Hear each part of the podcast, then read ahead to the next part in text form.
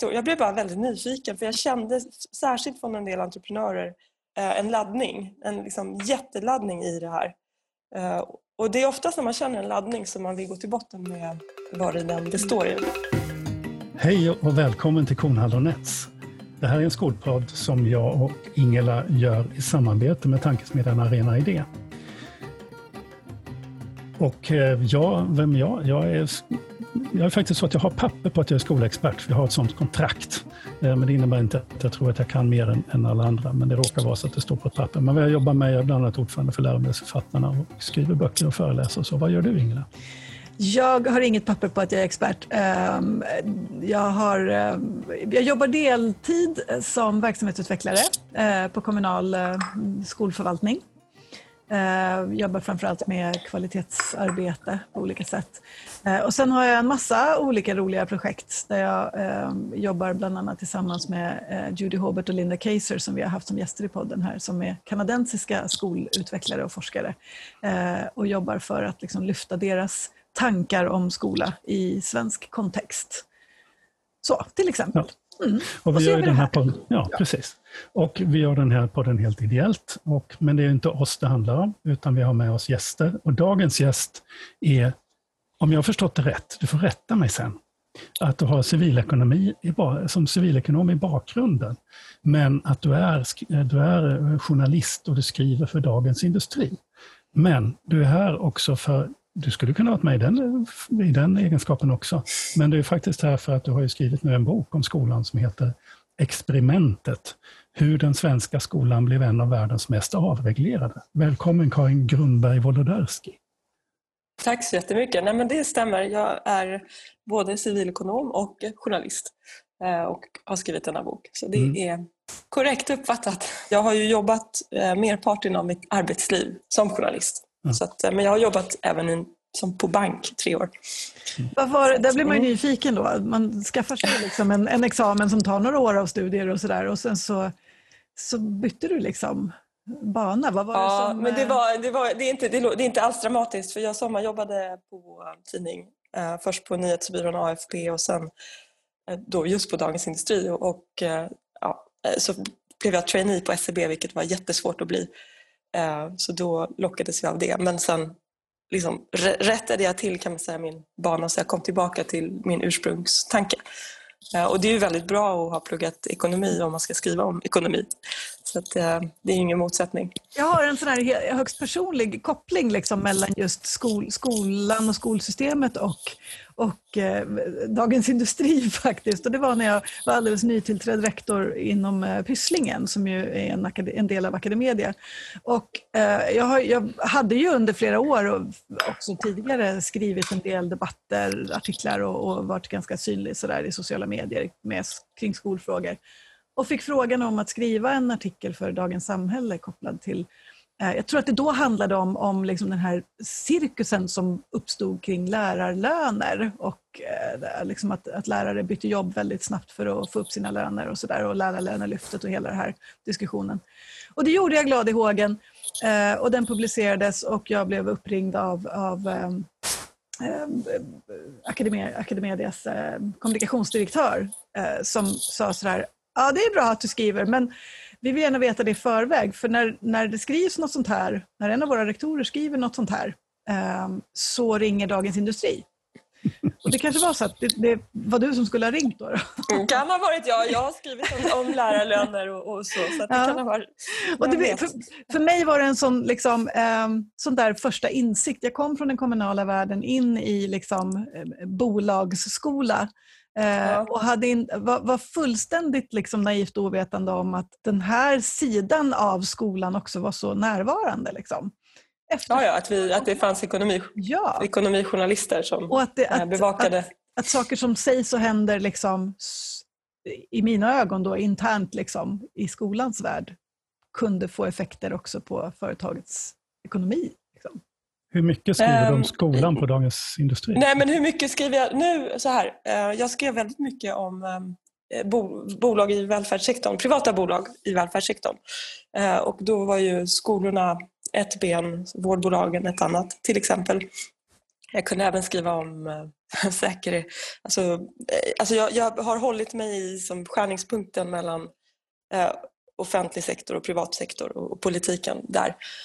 Så att jag skriv, det, det, har varit liksom min ingång i det. Nu, just nu så håller jag på med andra saker. Um, för att jag jobbar mer med vårt veckomagasin Day Weekend. Så då uh, håller jag på just nu faktiskt skriver väldigt mycket om konst. Mm. Uh, så att, så att om, du, om du vill höra om liksom, detaljerna mm. i, i, mitt liv här och nu så är det så. Uh, men men um, ja, du vet hur det är, man, ja. man gör olika saker. Men det var under flera år, femårig period, som jag höll på med det här kanske.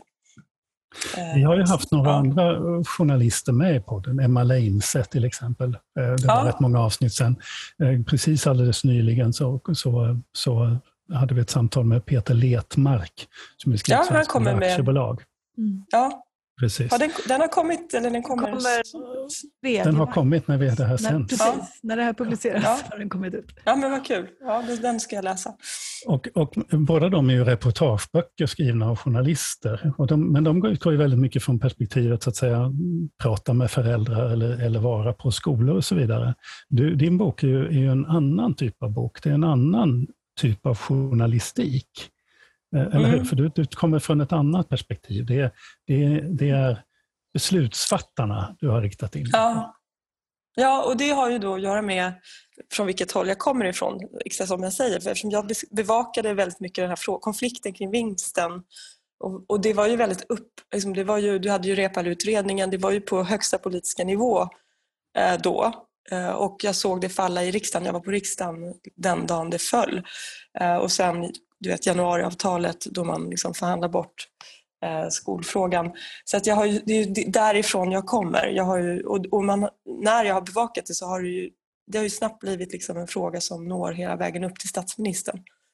Eh, så, så det, det är därför jag... Eh, och, och, och, så skriver vi ju om skolbolag och så. Då intervjuar ju jag i min roll oftast VD och, och, och så. Eh, så det, det, det, det förklarar väl. Det är en naturlig förklaring till att jag har liksom har tagit frågan från så här, varför har vi det här systemet och varför har vi haft det i 30 år och hur kom besluten till och varför vill skolentreprenörer grunda skolor? Precis, och en skillnad är också då att du har ju, innebär också att du har inte de gjorde ett researcharbete i att prata med folk, men du har ju också gjort det här klassiska. Att, att sitta på, om jag förstår rätt, på KB och, och, och liksom leta efter handlingar. Och, och. Hur mycket tid tog det här? För det är en väldigt gedigen research. Ja, men tack som, som märker det. Nej, nej, men gud, jag har ondgjort mig. Alltså, jag har tagit den där hissen på KB ner till källan och uh, du vet, stålsatt mig och bara okej, okay, nu försvinner en till dag i mitt liv ungefär. Uh, och läst om Drevdagen till exempel, det tog flera månader faktiskt. Och mm. läs, liksom, beta sig igenom, alltså jag överdriver för att man gör ju inte allt. Det var ju inte så att jag satt från åtta till åtta varje dag, men, men du vet, eh, jag höll på väldigt länge med just Drevdagen för att det var så mycket artiklar kring konflikten kring den här byskolan som ville vara kvar i sin by och eh, kommunen som ville skicka dem till, eh, en, till den liksom, större kommunala skolan. Eh, det här, eh, så det, det, är ett exempel. Det tog, och det, den typen av research gjorde jag ju på KB. Det var ju klassiskt att jag läste liksom, artiklar som hade skrivits om, om om den här skolan till exempel. Och sen har jag gjort eh, liksom vanligt journalistiskt jobb. Jag har intervjuat de relevanta personerna som jag bör intervjua. Eh, så det är en, det är en liksom blandning kan man säga och läst en del böcker också. Vad var det som väckte idén att skriva en bok? Var det du, liksom din egen dina egna tankar eller kom det, var det någon som tyckte att du borde skriva om det du redan hade forskat kring? Liksom? Nej, men det var just det här att jag blev så nyfiken just med tanke på min roll då som reporter och att jag bevakade den här frågan. Jag träffade entreprenörerna, vdarna, beslutsfattarna på det politiska hållet. Frågan var väldigt upphetsad. De olika lägena, prat, det är fortfarande så, de, de, de kan ju inte kommunicera kring den här frågan. Och vi har haft systemet i 30 år. Jag blev bara väldigt nyfiken för jag kände, särskilt från en del entreprenörer, eh, en laddning, en liksom jätteladdning i det här. Eh, och det är oftast när man känner en laddning som man vill gå till botten med vad det den består i och det tycker jag ändå att jag har förstått. Jag kan bara dra en parallell. Jag har skrivit en helt annan bok om en um, konstsamlare som dog i HIV i början av 90-talet. Så det är också intressant. Jag rör mig liksom 80-talet, det, det var ju då jag var barn. Jag är tillbaka där från, på olika sätt. Och då, eh, varför skrev jag om honom? Men det var också tack vare mitt jobb. För att jag var på en, eh, en auktion då där hans eh, samling skulle säljas och då var det också en laddning kring, mm. Kring den här personen och, som var helt jättespeciell. Och det, det, det, är en gnista, man bara det här vill jag gå till botten med. Mm. Eh, sen får man ju äta upp det för det är inte så kul. det var det inte heller med den här konstsamlaren kan jag säga. Det var väldigt sorgligt också att lära sig mm. om hur folk hade det när de blev sjuka i HIV. Mm. Ja, på den tiden. Då. Men det är ett annat ämne. Det är ett annat ämne. Men, men så man, jag tror man ska gå lite på sin liksom, nyfikenhet och magkänsla vad gäller så här, nästan eh, frågor som har en laddning som är lite obegriplig på ett sätt. Mm. Som man vill liksom, fördjupa sig i. Har vi ännu en orsak, ett, ännu ett ord, här, laddning, som jag tycker vi ska komma tillbaka till. Vi samlar på oss de här nu. Ja, ja men det är bra, du, ni lyssnar väldigt noga. Ja, ja gör vi. Men, men, men, men, men, Peter Letmark sa också att en av anledningarna till att du skrev boken, han sa att du hade sagt att det var ja. för att ingenting har förändrats, alltså just det här perspektivet, att det här hände för 30 år sedan. Och, och sen har vi då samma typ av, om vi då använder ordet laddning eller konflikt, och den bara fortsätter. Eh, var det, var, var, hade han en rätt bild där då? Eller, eller? Ja, men han hade precis det. Och jag minns till och med att jag sa det till någon eh, på jobbet. Eh, just det, kom, eh, kommenterade att det här är ju en, en äldre kollega. Att det här är helt galet att, att vi bara skriver om det här år ut och år in. Samma fråga och ingenting händer. Och då så känd, sa han då, ja men så här har det alltid varit typ, så kommer det alltid bli, vara. Det kommer, ingenting kommer hända. Du kommer fortsätta skriva dina artiklar om tio år. Det var lite det, det svaret jag fick och det fick mig också att vilja gå till botten med det här. Var, varför har vi i 30 års tid hållit på mm. att eh, varför har vi haft den här konflikten i 30 år? Jag menar, det är 30 år. Jag tycker, du har ju också skrivit eh, den här antologin. Och du, du fick ju också den känslan, eller hur? Ja, framförallt så skrev jag en bok om de här reformerna för tio år sedan, alltså som kom ut 2013. Ja, men du, du kan ju de här frågorna. Så att, så att, Utan och innan. nej, men det är precis den där känslan. Då tyckte jag att om jag bara skriver om det här, sen ska det väl vara klart. Då är vi igång med jobbet. Liksom. Men, ja, exakt. Det är väl det som förhoppningen är, att man väcker tankar. Liksom, att, ja, jo. att, något, att det alltså, någon typ av positiv liksom, ja. kraft framåt i alla fall. Men får jag fråga, prova en tes på dig då? Därför att jag har landat lite grann i anledningen till varför vi har den här låsningen. Alltså det här alltså det helt totalt icke-kommunikativa fältet mellan två positioner eh, i samhället. För så, för så upplever jag verkligen att det är. Jag menar att en, en grund för det är hur besluten fattades där nere. Både kommunaliseringen, även om det finns mer så att säga, pappersarbete bakom kommunaliseringen. Men, men sen då friskolereformen som ju är helt utredningslös och helt remisslös. Alltså jag menar att man, det finns också en kritik där från OECD redan 1992, att man gick över till ett väldigt ideologiskt beslutsfattande. Att det är där, alltså vi övergav, vi har inte, vi har inte pratat om det, vi pratade inte om det när man beslutade om det, om du förstår vad jag menar. Det, det, är ungefär det som är min tes, att där skapades det här såret skapades genom hur besluten fattades. Vi gick ifrån så att säga, den samhällsmodell vi egentligen har om samtal, mm. diskussion, kanske till och med kompromisser, men i alla fall remisser och utredningar, myndighetsinblandning och alltihopa. Utan vi bara klubbade beslut och gärna i stor opposition. Alltså där det mm. beslut som man hade stor opposition mot. Så hade det inte varit i skolpolitiken tidigare. Och jag menar att där kanske någonstans ligger en förklaring till varför vi fortfarande inte kan prata med varandra eller varför man i samhället inte kan prata, inte kommunicera om de här sakerna. Man låste sig i positioner. Mm, ja, ja och nej, tänker jag. För, för, att å ena sidan så stämmer ju det du säger. Å andra sidan så, och det tycker jag att jag visar i min bok, att, att äh, det var ju, tycker jag var väldigt intressant att skol, när man införde skolpengen, då hade man ju redan i utbildningsutskottet bestämt att man skulle likställa kommunala skolor och friskolor ekonomiskt. Man hade ju inte bestämt hur det skulle ske. Men, men det var ju ett beslut som var fattat. Det, det var ett betänkande som, du vet ju det här då, som gick igenom riksdagen.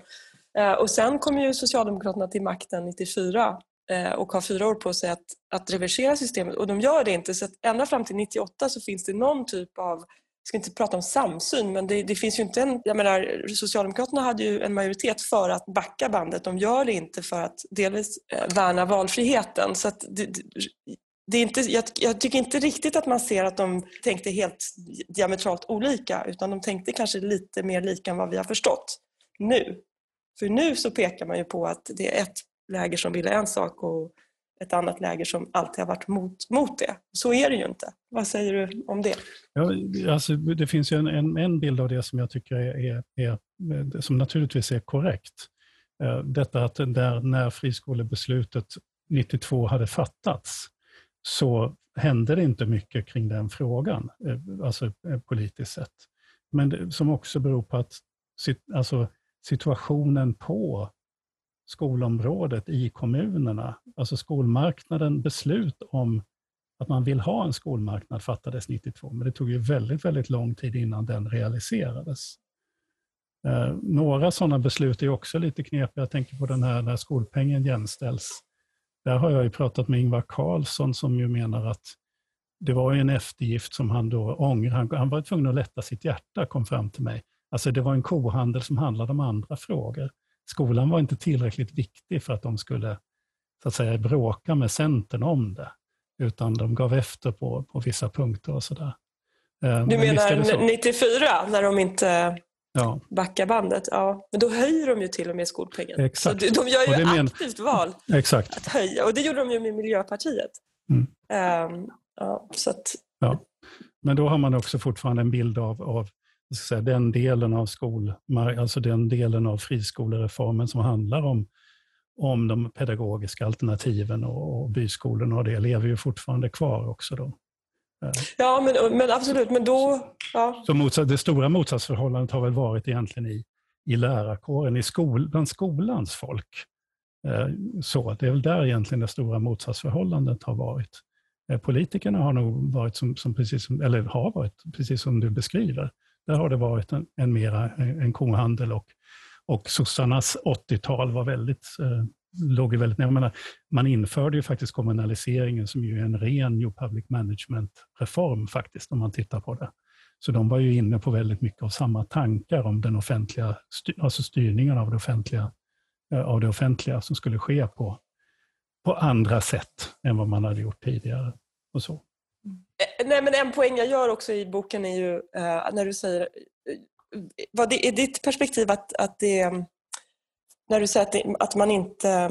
Att det här beslutet fattades då utan liksom, eh, utan att man utredde det tillräckligt mycket och sådär. I ditt du, säger, du pratade om skolfolk. Är ditt perspektiv att det här inte var förankrat bland bland skolpersonalen? Eller, eller jag förstår inte vilket perspektiv ja, men du absolut. pratade alltså, ifrån. Lärarkåren som sådan har ju, har ju haft misstro till de här reformerna ja, hela tiden. Absolut, det har de haft. Men, men min och också på myndighetsnivå. Jag hade ju mycket prat med myndighetsfolk eh, tidigt och så. Där fanns det också en väldigt, väldigt tveksamhet till, till reformerna.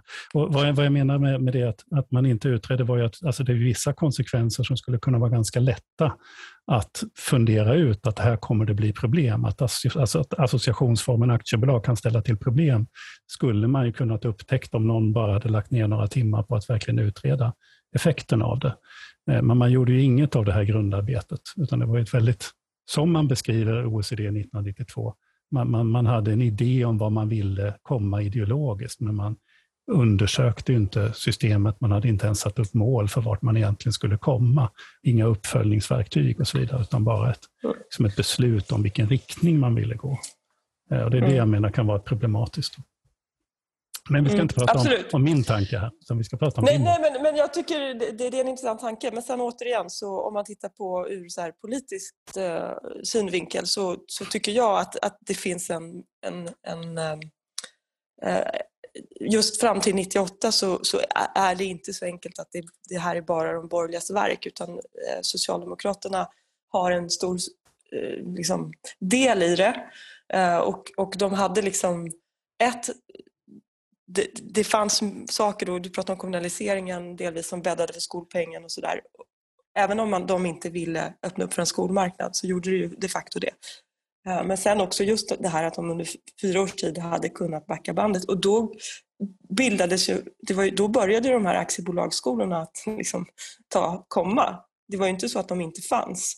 Eh, så det är ju väldigt märkligt att de, trots att de, de måste ju ha sett att det fanns vinstdrivande skolor då, inte eh, liksom reagerar med mer, eh, om de nu inte gillade det, reagerade mer kraftfullt. Mm. Eller hur? Mm. Där, där, jag måste gå tillbaka, för du, du, ställde några retoriska frågor i början där Karin, när du beskrev liksom din ingång till att skriva boken. Och en av dem var, varför vill skolentreprenörer grunda skolor? Och då är vi ju någonstans där precis nu när vi liksom i, i någon sorts historieskrivning kommer fram till när, när aktiebolagen faktiskt gör någon form av intåg liksom, på, på, mm. på skolmarknaden som man väl från början lite förenklat kan tänka handlade om de här små byskolorna snarare och liksom, eh, någon sorts eh, pedagogiska liksom, idé, idéer om hur man ville driva skola, inte stordrift och företag. Ja, men jag vänder mig lite mot, ja. mot, ja så är det å ena sidan. Å andra sidan så har du, hade du den här förskolan Pysslingen mm. Eh, som sjösattes eh, på 80-talet, mm. långt före skolpengens mm. liksom, intåg. Och den var ju väldigt svart på vitt vinstdrivande. Mm. Det var ju ingenting man, man dolde. Så, att, så att det var liksom, det var ju inte så att man inte, inte kunde se det, eh, tänker jag. Nej. Och då var det en väldigt upphetsad debatt just kring att det var vinstdrivande. Mm. Och det var på förskolenivå. Mm. Men vad, vad, är det då som, som lockar entreprenörerna utifrån det rent liksom företagsekonomiska sättet att se på skolbranschen som är för mig en, en vit fläck ska jag erkänna. Men, men uh, berätta, du kan det där. Ja, ville du säga något eh, Per? Eller? Nej, jag hade en annan fråga men den, den handlar mer om, om, om, vad det är som är experimentet. Eh, i din Ja, i min bok. Men, ja, men det men, kan jag berätta. Men ta, ta Inglas fråga först. Det var, ja. uh, nej, men vad driver de? Det är klart att det finns massa olika drivkrafter. Uh, men om, jag har ju några exempel i boken. Och, och, då är det ju, min huvudperson är ju Peje Emilsson, då, den här uh, moderata entreprenören som idag äger en av Sveriges största vinstdrivande friskolor. Hans drivkraft hänger till stor del samman med att han själv vantrivdes i, i det kommunala skolsystemet och eh, ogillade eh, den skolan han såg och ville skapa något annat. Sen, du har flera sådana exempel. Grundarna till eh, Viktor Rydberg, det är ju en stiftelseskola. Eh, en av dem berättar att hennes son vantrivdes i den skolan han gick på och det fick henne också upp, liksom fick en, tände en, en lust hos henne att skapa en, en bättre skola. Eh, så det är liksom några exempel. Sen har jag en, eh, i boken då en person som är en gammal aktiemäklare som har en lärardröm. Eh, och, och eftersom han är ändå finanskille så passar det ju perfekt för honom att köpa Tibble gymnasium och vara lärare samtidigt ett tag och nu sitter han ju och äger då ett börsnoterat skolbolag. Eh, så det, finns, det, är liksom, det, är ofta, det är oftast en kombination av, eh, av en vilja att förändra någonting och tjäna pengar skulle jag säga. Eh, för vissa är det ju mer ideologiskt. Typ Peje Emilsson, det här är ju nästan som ett så här, ideologiskt projekt skulle jag säga. Men för aktiemäklaren är det nog bara rent så här, företagsekonomiskt att han tror på det och att han eh, kanske också vill göra lite skillnad, alltså skapa en bättre skola. Men han är ju inte alls lika ideologisk då, den här som köpte Tibble gymnasium till exempel. Tycker, svarar jag för mycket? Eller nej, men, nej jag, jag, får bara en, en sidotanke, för du säger ideologiskt i någon mening då att, att Pejes berättelse är att han vantrivs i den kommunala skolan och han vill göra en annan skola. Det är ju den ena mm. biten av hans ideologiska eh, vad ska man säga, palett så att säga. För, för mm. han var ju också absolut verksam i den gruppen i Moderaterna som ville göra om samhället, alltså som hade de neoliberala, Milton Friedman och de som som, ja, ja, nej, så att det finns ju en annan typ av ideologisk drivkraft också, eller hur? Inte bara, inte bara jag vill... Nej, men han är ju en moderat. Liksom. Mm. Han står ju för, eh, för mycket av vad Moderaterna eh, står för, eller har gjort i alla fall. Nu är han 76 år gammal, men, eller cirka, jag blir osäker mm. på exakt. Han är över 75 i alla fall. Um, så att ja, han, han, hans um, uppfattningar hängde tätt samman med vad Moderaterna hade för uppfattningar då på, under 80-talet. 90-talet. Ja, och inte bara så att han anslöt sig till Moderaterna, utan han var en av dem som, Nej, han var ju, ja, men absolut. ja, som men det formade. Moderaterna. Det är ju, Ja. Ja, nej, men absolut, jag bara- absolut. En jag skulle säga att han är en dold makthavare. Han är ju personlig vän med Carl Bildt. Mm. Eh, Han satt med i Moderaternas eh, liksom, organisatoriska alltså, grupp inför valet 91 och, och eh, var väldigt konkret i och för sig, bland annat med att fixa faxapparater till olika valdistrikt och sådär. Men, men ehm, eh, han, är, han är en mäktig, mäktig politiker i det dolda och så äger han ju, Mm. har varit, obs, inte längre, men ehm, ja, så, så har han ju grundat Kreab som är en kommunikationsbyrå som har hjälpt Moderaterna bland annat. Mm. Och Svenskt Näringsliv som hette SAF på sin tid. Precis. Och då ska man ju veta att där fanns det ju en kamp. Alltså de menar ju sig verkligen föra en kamp emot mot det socialdemokratiska eh, samhället. Alltså den ideologiska bakgrunden är också väldigt, väldigt kraftfull. Experiment, det här med Pysslingen var ju sjösatt som en krigsförklaring mot socialdemokratiska eh, samhällsbygget. Eh, väldigt Mm. tydligt. Jag vet Ja, att du, det- du, nämner, du nämner Karin Sjöwall Va- Svanborgs Kentucky Fried Chicken, som är en jättespännande läsning. Men hon, Mm. menar ju, hon menar ju verkligen att hon skriver att kanske är det fullt naturligt att näringslivets revolutionära gren får fortsätta agera minröjare och sånt här. Alltså det är ett språk i krigstermer. Eh, Mm. mot mot Ja. det här som man då såg som någonting negativt. Och så. Det är ju skitspännande läsning, men väldigt, väldigt ideologiskt. Mm. Absolut, eh, så är det. Och, ehm, men det är också, du är ju lite äldre än vad jag är, eh, som sagt. Eh, Hur gammal är du? Man ska, Oh, fråga, fråga. frågar man den här... Vi pratade Okej, ålder. vi behöver inte prata om nej, nej, det är ingen fara. Absolut ingen fara. Jag är född jag- 1961, så jag, jag, jag Ja, börjar närma mig pensionsåldern. Nej, men, nej, men det, det är också, det, kanske också att vi reagerar eh, kanske, jag får, jag får ju, för mig var det ju väldigt spännande att läsa, för, eftersom jag var jag, är ju, jag börjar bli gammal själv, men jag var ju barn på 80-talet och för mig att få lä, att läsa de här artiklarna, apropå det vi pratar om, och den ideologiska konflikten som, som var så stark på 80-talet och framförallt om begreppet frihet. Vad är frihet? Eh, och Moderaterna hade ju sin definition och, och vänstern ja, och Socialdemokraterna sin. Jag har ju liksom inte riktigt... Eh, jag, jag tyckte det, den ideologiska konflikten och debatten finns ju inte idag överhuvudtaget på den nivån. Det tyckte jag var väldigt intressant. Och, och den dog sen. Alltså, det var nästan som att efter Olof Palmes eh, död så, så tycker inte jag att jag lä- kunde läsa så många artiklar som handlade om, om frihetssynen. Det tycker jag också var lite intressant. Jag- Jag har en, en, du skriver på ett ställe, nu byter jag ämne totalt. Det är en bild från din bok, du har, du har intervjuat Kjell-Olof Fält. Och du säger att han beskriver på ett nedsättande sätt, som jag uppfattade att han tyckte det var ett svaghetstecken när Bengt Göransson grät. Bengt, ska vi säga för de som lyssnar, Kjell-Olof Fält var finansminister för Socialdemokraterna, Bengt Göransson var typ skolminister. Men att eh, Kjell-Olof Fält beskriver att Bengt Göransson satt och grät och sa att Åh, det är så svårt att vara med i regeringen. Och man kan, jag kan känna någon sorts svaghetsförakt hos Kjell-Olof Fält i detta. Samtidigt som när jag Ja. läser det så känner jag att shit, Bengt Göransson är ju, en, är ju en god kille. Han vågar erkänna någonting. Men det ses som Ja. en svaghet. Du, har du någon bild Nej, det där? eh, Jag bara tycker att nej, det är så det- jävla nej, intressant. eh, Ja, jag, jag tyckte det var intressant också när han berättade det Kjell-Olof Fält. Och, eh, ja, han menade tvärtom, att eh, han, eh, han tyckte att det var ett bevis på... För han hade ju en konflikt med Bengt Göransson Mm. eh, kring skolan. Eh, för Bengt Göransson var ju emot kommunaliseringen eh, och Kjell-Olof Fält var ju en stark pådrivande kraft. Eh, men, men då menade Kjell-Olof Fält att han berättade det här för att visa att de ändå stod varandra nära. Så jag tror Mm, inte man ska okej. övertolka det. Snarare att, att de, han kände sig så bekväm att han kunde gå in och gråta hos Kjell-Olof. Eh, Så jag, jag tänkte också så först, men sen när vi pratade om det så var det så han, Mm. han beskrev det och varför han nämnde det. Just för att då, tvärtom beskriva att de, de mitt i den här konflikten ändå hade någon typ av eh, eh, förtrofull re- relation. Mm, mm.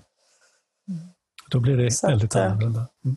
Ja, eller hur? Det är så, man kan tolka saker på olika sätt. Jag tolkade det som dig först, men sen pratade vi om det.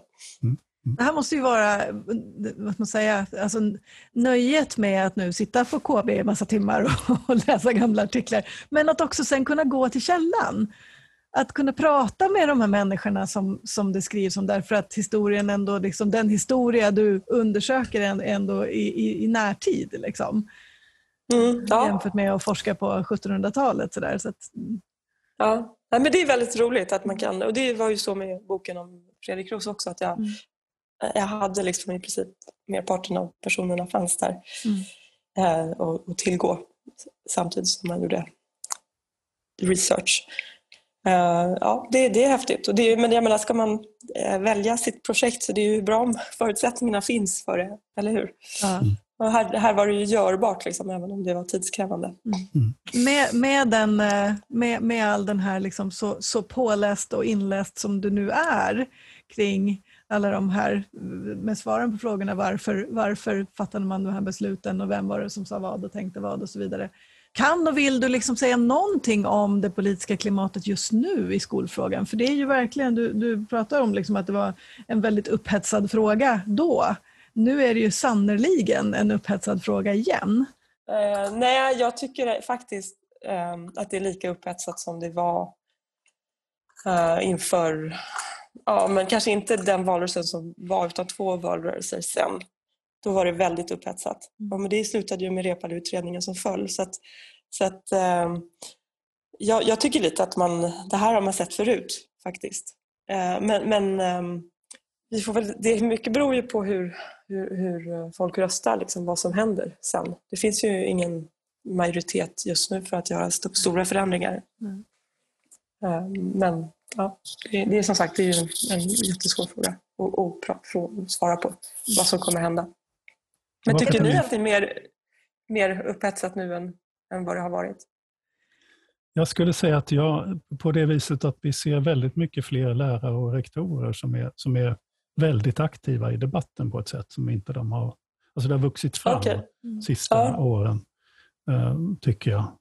Lärare och mm. rektorer. Det, finns ju någon känsla, och det är bara en känsla, det är inte alls belagt på något. Det är som att lärarkåren med kommunaliseringen så, så gav man upp hoppet om staten i någon mening. Så sen sket man i det under väldigt, väldigt, väldigt lång tid.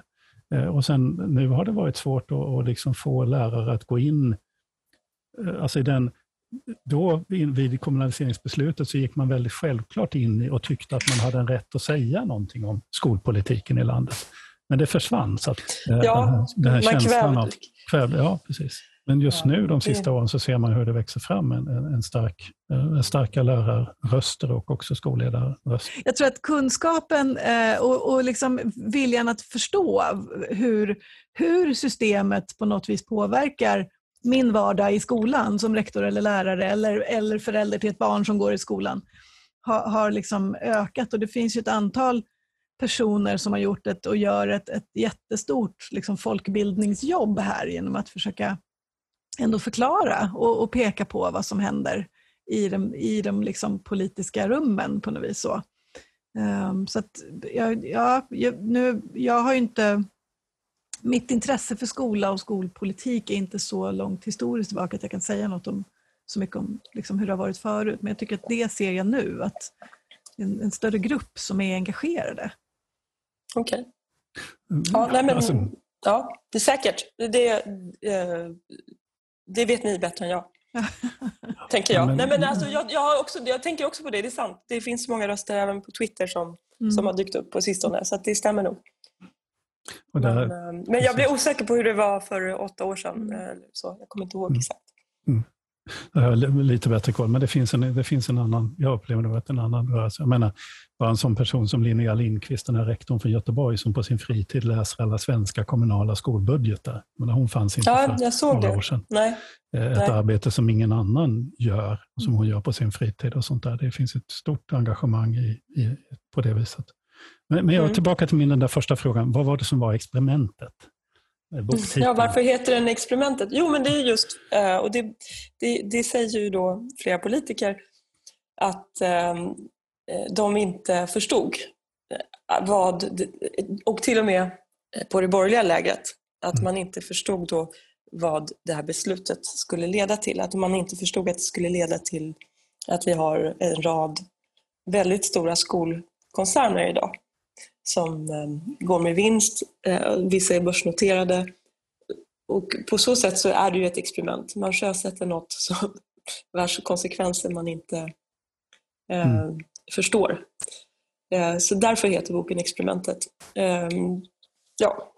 Men om vi, vi går tillbaka till den här, de som då var med där. Alltså vi hade ju då Carl Bildt naturligtvis och vi hade, vi hade Per Emilsson borta i skuggorna där han har trivs med att jobba.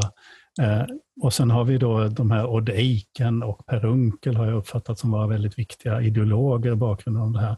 Men den som ju egentligen var ansvarig för, för då marknadsreformen, skolmarknadsreformen, det var ju Beatrice Ask och hon låter ju sådär väldigt förvånad över hur det blir när jag har pratat med ja. henne.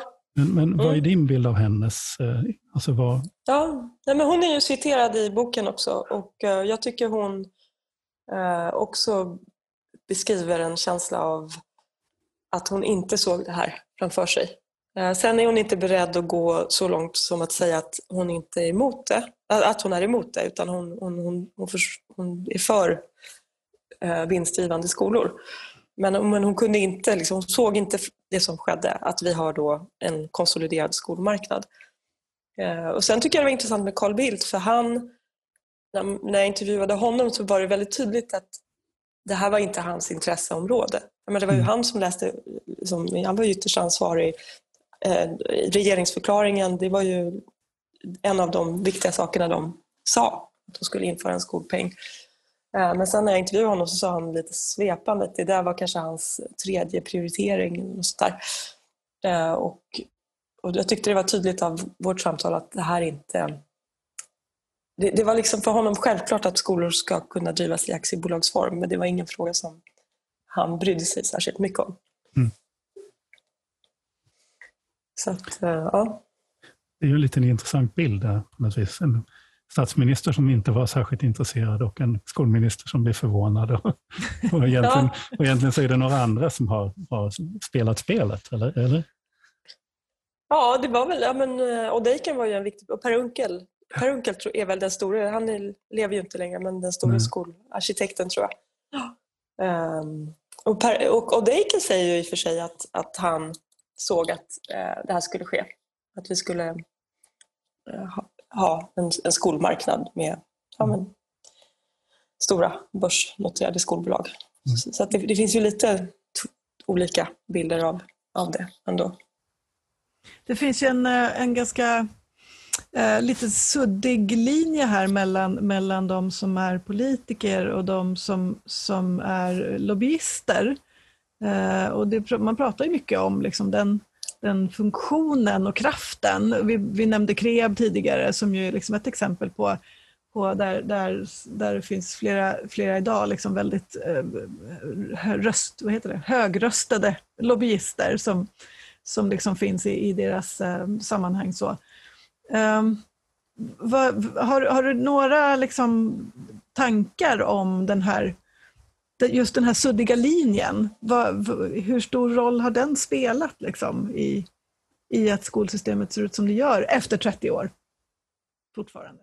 Nej, alltså jag, jag tänker så här att, ehm, att det har ju varit säkert väldigt bra för skolsektorn, den vinstdrivande skolsektorn, att någon som Peje Emilsson har funnits där eftersom han har Eh, haft eh, muskler att försvara systemet och han, han har ju haft Kreab som sin bas och de, de har ju vetat hur man ska driva opinion och, kring frågan och han har haft eh, kontakter in i partiet. Så på så sätt så har det säkert spelat roll men du har ju även eh, Internationella Engelska Skolan också där eh, eh, Hans Bergström, då, mannen till Barbara Bergström, han har ju också eh, politiska kontakter. Så det, det, är klart att det hjälper om du um, har, alltså, känner makten. Eller vad ska jag säga. Men, men Kreab har nog hjälpt uh, just med tanke på att det är en kommunikationsbyrå.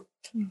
Det, absolut, det har nog varit um, viktigt för just uh, lägret som vill försvara uh, systemet. Mm.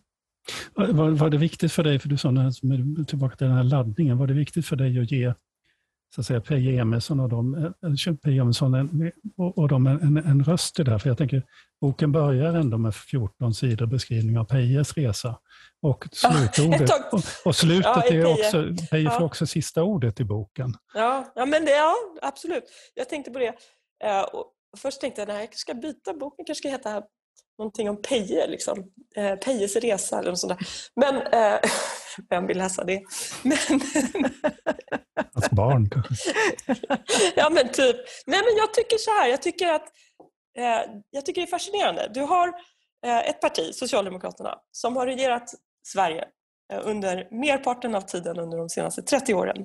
De har konsekvent sagt att de inte gillar vinstdrivande skolor. Sen å andra sidan har du en entreprenör slash politiker som heter Peje Emilsson eh, som vill ha eh, en annan skola och en vinstdrivande skola. Och 30 år senare står han och äger en av Sveriges största vinstdrivande skolor samtidigt som Socialdemokraterna står där och säger att de ogillar systemet. Så jag tyckte det var intressant och det var lite det jag ville också teckna. Jag ville varva Pejes liksom konkreta liv och bygge och tankar. En person med liksom en politisk en motståndskraft som man ändå måste säga är väldigt svag. Eller hur?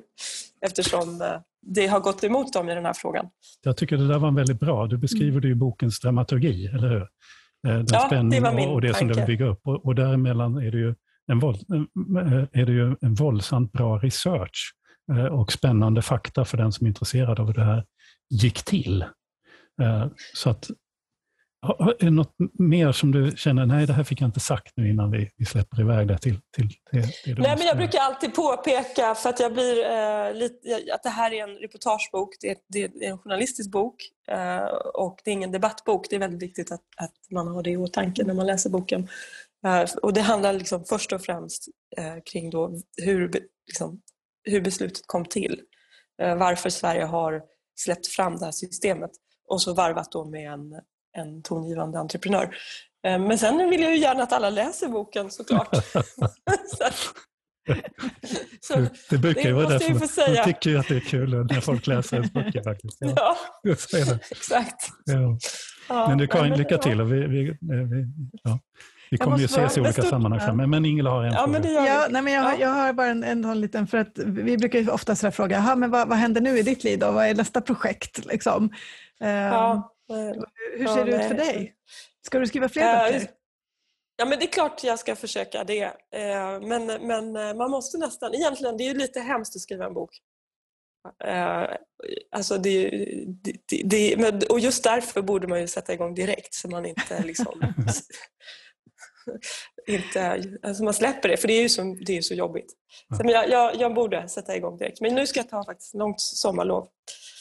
Du har ju redan, du har redan avslöjat på Twitter, apropå skoltwitter som vi pratade om, eh, vad, vad, din nästa bok då kanske borde handla om. För du skrev vid något tillfälle här att sonen fem år tittar upp mot körsbärsträd som blommar och säger mamma, din bok borde ha handlat om blommor. Ja, det kanske vore något. Mycket trevligare, eller hur?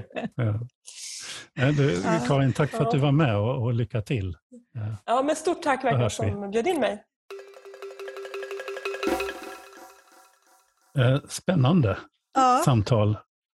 Och... Jag, ja, det slog mig när, när Karin beskrev sin, som du sa, liksom drama, dramaturgin, hur hon liksom har byggt upp sin bok. Så slår det mig någonstans att, att P. Emilsson är ju också liksom sinnebilden av en oerhört framgångsrik entreprenör och företagsledare. Liksom. Det, den, det perspektivet, apropå att Karin kommer från liksom Dagens Industri, man tittar på liksom företagande och är intresserad av det, um, så är ju det en bild av just Per Emilsson som jag verkligen inte känner på något vis, liksom, men som ju ibland får, får vara en av de här personerna som klär skott för allt, all, allt elände som man hävdar att, att liksom marknadsskolan ställer till med, så är han ju liksom den andra sidan av myntet. Om man tänker alltså, på vissa personer... skolvärlden så är han ju jätte, jätteframgångsrik. Och, och, och liksom en, en, så, en hjälte i vissa mm. sammanhang. Ja. Så. Mm. Naturligtvis. Mm.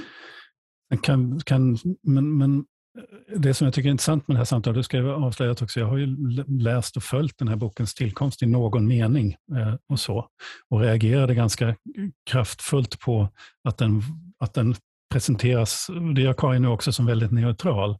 Men, men jag tycker att det var väldigt befriande i det här samtalet där hon verkligen också säger att den är uppbyggd kring Pejes mm. resa. Mm. Att den skulle kunna heta Pejes resa. Mm. För det tror jag är en, det är en bra, det är egentligen en bra nu tappar jag det på... Som, Innehållsdeklaration? Ja, lite grann så. Mm. det här är det perspektivet. Sen, mm. sen filtreras de här händelserna och sånt. Mm.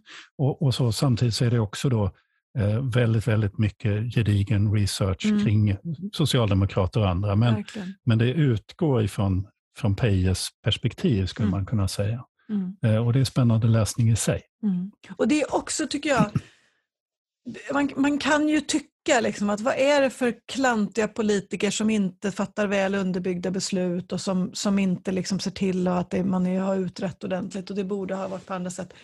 Men men vi kan väl bara liksom lite till mans gå till oss själva och se att man fattar inte alltid underbyggda beslut. Alltså det finns så många aspekter som liksom påverkar ja, vilka fast... beslut som fattas i, i, stunden. Men jag håller med, jag ser hur Per skrynklar ja, alltså jag, skrynk. Jag skrynklar mig själv ja. som ett russin eftersom när det gäller regeringen, hur regeringen ska göra saker, så finns det en, en regeringsform som talar om hur man ska göra. Det vill mm. säga, mm. det finns en lag som säger att, att lagförslag ska gå ut på remiss, att mm. myndigheter och andra ska få en chans att tycka till. Mm. Eh, så att i det här fallet tycker jag inte, man kan inte glida undan på att så. Men, men, det, men, man kan ju säga det att ja, i den meningen att, att man kopplar loss regeringen från, från dess lagstadgade uppgifter så kan mm. de, det kan hända att de fattade beslut som man gör hemma vid köksbordet. Mm. Men det är inte deras uppgift att Nej. fatta beslut på det Nej, sättet. Precis.